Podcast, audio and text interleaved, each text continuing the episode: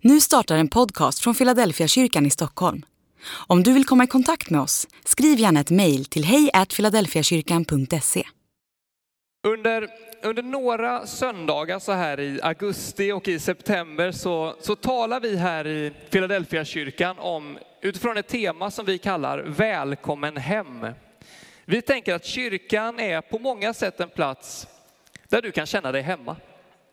Det är en plats där du kommer med det du har till en plats där du känner bara, men här får jag vara. Här blir jag sedd. Här får jag utlopp för att kunna dela min tro, dela mina problem, men också möjligheter, utmaningar. Vi tänker så här, den här platsen, vi önskar att du ska känna dig välkommen hem här. Det här är en plats för dig. Så under några söndagar så pratar vi utifrån det här temat. Och idag har jag tänkt säga någonting om lite vad vi tror på.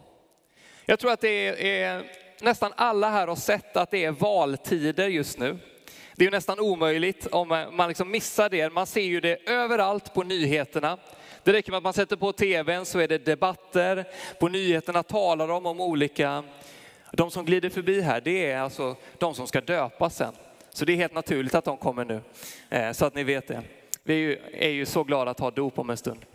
Men valtider, det händer så mycket saker. Alla pratar om det här valet. Vad ska partierna göra med Sverige? Och man, man ser på nyheterna, man tittar på sociala medier. Där liksom lägger partierna ut och partiledarna finns på olika platser. Och det är liksom överallt. Och det räcker egentligen med att du går utanför dörren så ser du alla de här plakaten. Där det står olika slagord, ganska korta, effektiva ord. Det här ska vi göra. Så här ska vi få till en förändring. Det här är det Sverige som vi vill bygga. Och under varje val, inför varje val, så gör ju alla partierna ett valmanifest. Det är detta vi tänker med Sverige. Det här är våra visioner, så här ska vi förändra. Och nu tänker jag så här, att på ungefär 15 minuter så tänkte jag säga någonting om Philadelphia kyrkans valmanifest. Alltså vad är det vi tror på? Vad har vi för vision för den här staden, för det här landet? Och vad, hur tänker vi att ni som är här inne kan vara en del av det? Är ni med på den tanken? Ungefär 15 minuter. Och är du ny här i kyrkan, tänk att det är 15 minuter. Jag kan ge dig en chans att lyssna på vad den här snubben har att säga. Så 15 minuter om vårt valmanifest. Vad tänker vi? Vilka är vi? Och hur påverkar det dig och mig? Så följ med mig nu till Kolosserbrevet kapitel 2. Vi läser ju i Bibeln, vi tror att det som skedde för 2000 år sedan när Jesus Kristus kom till den här jorden, vi tror att det hände där och då, men vi tror också att det har en betydelse här idag. Så, så här står det i Kolosserbrevet 2 och vers 6 och framåt. Ni har lärt känna Herren Kristus Jesus. Lev då i honom, med rot och grund i honom allt fastare i den tro som ni har undervisats i. Och låt er tacksamhet överflöda. Låt ingen göra er till fångar i de tomma och bedrägliga vishetsläror som bygger på mänskliga traditioner och kosmiska makter och inte på Kristus. Ty i honom har hela den gudomliga fullheten förkroppsligats och tagit sin boning. Och i honom, som är huvudet för alla härskare och makter, har ni nått er fullhet. Vi ber en kort bön. Jesus Kristus, tack att du är här just nu. Nu ber vi att vi ska få lyssna på ditt ord, att det ska kunna landa i våra liv, Herre. Öppna våra öron för vad du vill säga. Amen. Om man ska koka ner, kondensera, få ihop till en mening det som vi som Philadelphia kyrka tänker, det här är vår grej, det är detta vi vill ge till Stockholm. Då är det ett namn. Det är Jesus. Det är Jesus som vi tror på. Det är Jesus som vi tänker har någonting att säga till vårt liv. Det är Jesus som vi tror kan förändra våra omständigheter. Sammanfattningsvis, vi tror på Jesus. Och vi tror att du faktiskt kan lära känna honom. Och att vi har en uppgift i att följa Jesus efter vår bästa förmåga. Paulus skriver ju här till en församling i Kolossai och han säger, ni har lärt känna Jesus. Jag har tänkt säga ungefär, jag har tre punkter. Och den första punkten, den är enkel. Du kan lära känna Jesus. Du kan få en relation med honom. Alltså det första steget det är att på något sätt få höra om Jesus och sen tänka, ja men den personen, kanske finns det en möjlighet för mig att få en relation med honom. Kanske kan han säga någonting till mig.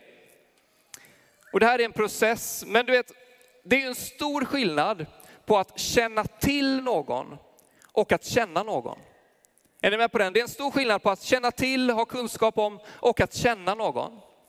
En liten undersökning, hur många här inne nu vet vem, det är lite svårt namn, Dejan Kulusevski är? Är det någon här? Det är de som gillar sport här ser jag, räcker upp handen, de som gillar fotboll. Så här är det, för er som inte vet vem Dejan Kulusevski är så ska jag förklara detta. Jag så, eh, växte upp med ett fotbollslag som jag hejar på i England. Det är från min far, som när han gick i skolan inte riktigt visste vad han skulle heja på. Han hade en kompis som hette Benke. Och Benke kom fram till min pappa och så sa han, du Hans, vilket fotbollslag hejar du på egentligen i England? Och pappa kunde inga lag i England, äh, men han var street smart. Så han tänkte, jag ställer frågan tillbaka. Ja Benke, vilket hejar du på? Ja men Tottenham såklart, sa Benke. Och pappa svarade direkt, ja jag med. Och på den vägen är det, nu är det mitt lag. Jag försöker kolla på matcher, jag följer spelarna och jag blev så glad när då Dejan Kulusevski, alltså Sveriges nästa stora fotbollsstjärna, en superstjärna. Han är otroligt bra. Han flyttar, byter lag till Tottenham, alltså mitt lag. Nu har vi en svensk spelare som är jätteduktig i mitt favoritlag, som sällan brukar vinna. Jag ska ändå vara ärlig med att säga det. Men jag, jag supportar ändå. Alltså Dejan Kulusevski, han kommer och jag kan ju liksom läsa så mycket om honom. Jag kan veta vart i London han bor. Jag kan veta hur det ser ut i hans hus. Jag kan veta vad han gillar att göra på semestern. Du vet, det är ganska enkelt, man tar upp sociala medier. Och så går man in där och så ser man. Och jag kan se hur många mål han gör, hur många assist han gör. Jag kan veta ganska mycket om, jag kan känna till mycket om Dejan Kulusevski. Men det betyder ju inte att jag känner honom. Jag kan ju inte säga så här, ja, men Dejan Kulusevski, han är min vän. Även om jag önskar att det var så. Men det är ju inte så. Om någon känner honom här så kan du ju säga det, att jag gärna träffar honom. Han är från Stockholm. Men alltså, ni är med på den bilden, ganska enkel bild. Du kan känna till mycket om en person och du kan känna en person. Du kan veta ganska mycket, du kan ha fakta om den, men du har inte en relation. Ganska många tänker att ja, men jag känner till mycket om Jesus. Jag vet vad han levde. Jag vet en del av vad han sa, att han sa att jag skulle älska andra människor. Jag känner till en del saker, men jag känner inte Jesus. Du vet, det som vi tror i den här kyrkan, det är att du kan få en personlig relation med den Jesus. Alltså att du kan gå ifrån att bara känna till till att faktiskt känna honom. Få en personlig relation med honom. Så det är det första steget där vi tänker, vad är vi för kyrka? Ja, men vi är en kyrka som tänker, Jesus, det är en person du kan lära känna. Vi vill att du ska få den möjligheten. Så helt enkelt den första punkten, det är du kan lära känna Jesus. Och vi lär ju känna på olika sätt. Några läser och får liksom kunskap och man vet och man lär känna. Vissa vill uppleva. Vi lär känna Jesus på olika sätt. Men det viktiga, det är det som Bibeln säger, du kan få en relation med honom. Han kan få komma in i ditt liv. Men Bibeln stannar inte där utan tar det ett steg till. Punkt nummer två. Du är kallad att leva i honom. Lev då i honom, säger Paulus. Och det här är ju liksom ännu ett steg till. Du känner, men du lever också i honom. Om man pratar om identitet, vi är ju vi har möjligheten att vara ganska många saker. Din identitet kanske är ditt jobb. Jag jobbar på bank. Eller jag är lärare, jag är läkare. Du vet, vi har olika saker som tänker, och det är ofta den frågan när man ska lära känna någon. Är man i ett nytt sammanhang så sträcker man ju ofta fram handen, om det inte är pandemi, och så säger man ja, jag heter Anton. Och, och så frågar man, ja, vad, vad gör du då? Och då blir ju ofta det liksom, ja men inte vad jag gör på fritiden utan vad jag jobbar med. Väldigt många definierar sig utifrån, ja men det här är mitt jobb. Det är detta jag gör på dagarna. Och sen så är det ju ibland så att man säger sin hobby. Ja, men jag gillar att segla eller jag gillar att vandra, jag gillar naturen. Det är också en typ av identitet av vilka vi är. Eller så säger man jag är pappa, eller jag är mamma, eller jag är liksom, ja men alla de där grejerna kring relationer. Jag är en broder, jag är en syster, jag är kusin med den här. Det kan också vara som vi är. När vi tänker att vi ska leva i Jesus, då är det inte bara att det blir, och just det, och sen så är jag också, tror jag också på Jesus. Nej, vi tror att allt det som du är, om vi tar exemplet, du är en lärare, du har en bror, du har en mamma, det betyder att du är alltså en son eller dotter. Allt det är du, men du är det i Jesus. Det är inte bara en sidomeny, utan det är faktiskt det som vi lever i. Den identitet som du har, det du gör, när du kommer hit till Philadelphia kyrkan, då måste inte du avsäga dig den. Utan du tänker, nu ska jag få leva i den tron på Jesus. Lev då i honom. Och Paulus säger med rot och grund i honom. Vad menar han med det? Med rot och grund. Ni som någon gång har, kanske har ni tittat på det här programmet Husdrömmar. Det är ju ett ganska populärt program på SVT. Eh, det är ju ett program där, som innebär att folk med stora ambitioner, ofta ganska stor plånbok, tänker nu ska jag bygga ett stort hus. Och så vill man rita det och man tar fram en idé och så kommer några personer, programledare, och så följer de den här resan när man ska då förverkliga sitt hus, sin husdröm. Och ni som har tittat på det vet att det är oftast grunden, att gjuta, att mäta ut, att få det rakt. Det är det som tar längst tid. När man har fått till grunden, då är det ganska enkelt att smälla upp fyra väggar och sätta på ett tak. Och sen så ska man ju inreda allt. Jag är, ni hör ju att jag inte är snickare. Men jag tänker att på något sätt så är grunden, det är det som tar lång tid. För det är det som ska vara beständigt. Det är det som måste hålla när det börjar skaka. Det är det som, om det blir en naturkatastrof, en storm, vad ska hända då? Jo, men grunden ska vara stabil för att huset ska kunna stå. Paulus säger här, ni ska ha er grund i Jesus. Men ni ska också ha era rötter. Alltså grunden den är fast. Men rötterna, de växer hela tiden. De blir djupare och djupare. Ett träd blir ju stabilt av att ha djupa rötter som sänker sig ner i jorden och får liksom en stabil, det är det som gör att det inte faller. Vad betyder detta? Jo, det betyder att i Jesus så kan du få en fast grund. Men du kan också ständigt jobba på den relationen. Du kan låta dina rötter växa djupare och djupare ner. Det kan både vara fast, men det kan också växa ännu mer. Lev i honom, säger Bibeln. Och det sista då, det är att i Jesus så har du allt du behöver. Det första, du kan lära känna honom. Det andra, du kan leva i honom. Och när du gör det, då har du allt där som du behöver. Kristen tro, det är inte som ett rum där du kommer in och sen så säger man, ah, nu har du kommit till tro, nu ska vi gå in i nästa rum här för där kommer du få ännu lite mera kunskap. Och sen går du in i nästa rum här och där får du ännu lite mera kunskap. Vi tänker inte så. När du lär känna Jesus, då har du allt. Det är allt det som Gud har lagt ner, det finns i Jesus. I honom har all Guds fullhet och finns också i oss. Under antiken så var det ju vanligt, och det här är ett, var det så i, i Kolossai, att man hade liksom lokala gudar som du tillbad. Du gjorde det för att det skulle gå bra för staden, det skulle vara lugn och ro, man skulle inte råka ut för några olyckor. Så då hade man en liten, ett litet gäng med gudar som man gick till. Och så bad man för pengar och för makt och för att det skulle gå bra för sin skörd. Och man, man hade liksom olika delar som man bad till Gud. Och vissa då tänkte ju i Kolossai, den här församlingen, de som precis hade kommit till tro på Jesus, de tänkte, ja men det är kanon, då lägger vi till Jesus som ännu en Gud. Så, så har vi alla de här gudarna för skörden och för pengarna och allt det där. Och så har vi Jesus också, det blir toppen. Men då säger ju Paulus, nej, nej, nej, det är inte så ni ska tänka. De här andra gudarna, de behöver ni inte längre, för i Jesus har ni allt. Det finns ingen mer kunskap du egentligen behöver än den som du kan hitta i Jesus.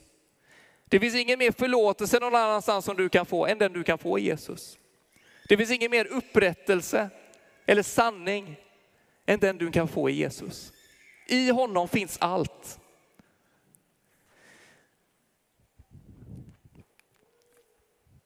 Som avslutning så säger också Paulus, låt ingen göra er till fångar.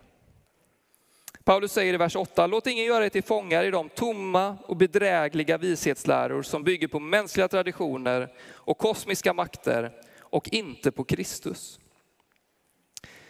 Alltså det finns många i vårt samhälle om man tittar på, som sagt nyheterna eller sociala medier, marknadsföring, reklam som vill på olika sätt utnyttja vår frihet.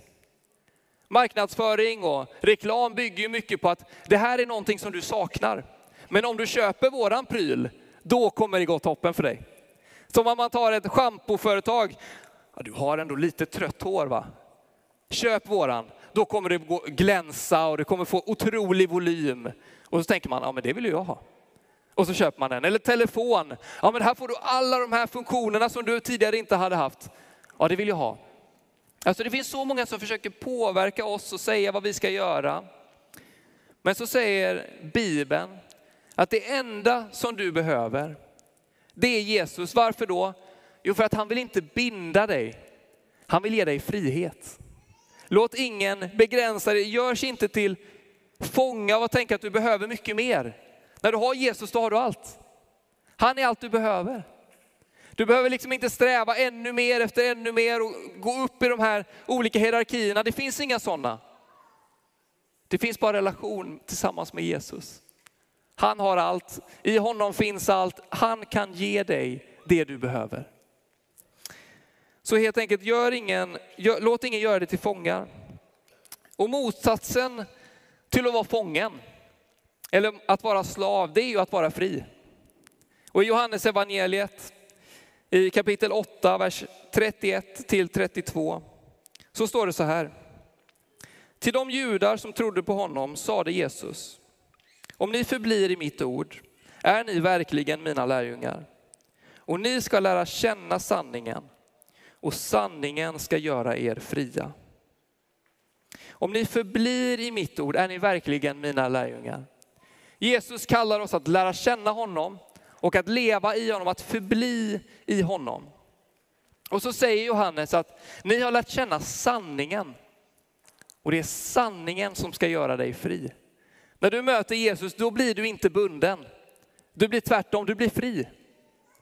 Alltså jag tror att den här världen, den här staden, om du skulle lyssna på vårt valmanifest, vad är det vi vill säga då? Om vi tror att det finns en Gud som älskar alla människor. Ja, men du vet inte vad jag har gjort. Nej, det vet jag inte. Men jag vet att Gud älskar dig ändå. Och den guden, den Jesus som vi tror på, bjuder in oss att leva i honom, i gemenskap med honom. Och att lära känna den sanningen som bara kommer från Gud. Och den gör dig inte bunden. Den gör dig fri. Om ett tag så ska vi vara med om ett dop här. Vi har 16 ungdomar som ska låta sig döpas. De ska lämna sitt liv till Jesus och vi är så tacksamma för det. Du vet, det är ett tecken på att säga den friheten som evangeliet har, jag vill att det ska vara en del av mitt liv. Jag inser att i den här världen, jag kan kämpa på, jag kan tänka jag ska sträva efter detta, men jag inser att det där kommer aldrig att leda hela vägen. Men hos Jesus har jag allt jag behöver. Hos honom kan jag vara precis den jag är. För jag inser att han älskar mig precis så som jag är. Ett faktum är att Jesus är den enda du kan binda dig till, hålla fast vid, utan att själv bli bunden. Du blir fri. Du får del av Guds befrielse. Så vårt valmanifest här i Philadelphia kyrkan är att du som behöver frihet, du har hittat rätt. Men vi tror också att du inte bara ska hitta till vår församling, vi tror att du kan lära känna Jesus. Och att du kan få uppleva, du kan få en personligt möte med honom. Du kan gå från att känna till mycket om honom till att faktiskt känna Jesus. Nu ska vi få lyssna på en sång. Stanna upp Om du känner dig bekväm med det, lyssna på de här orden och tänk vad kan det betyda? Sen ska vi få med om dop. Amen.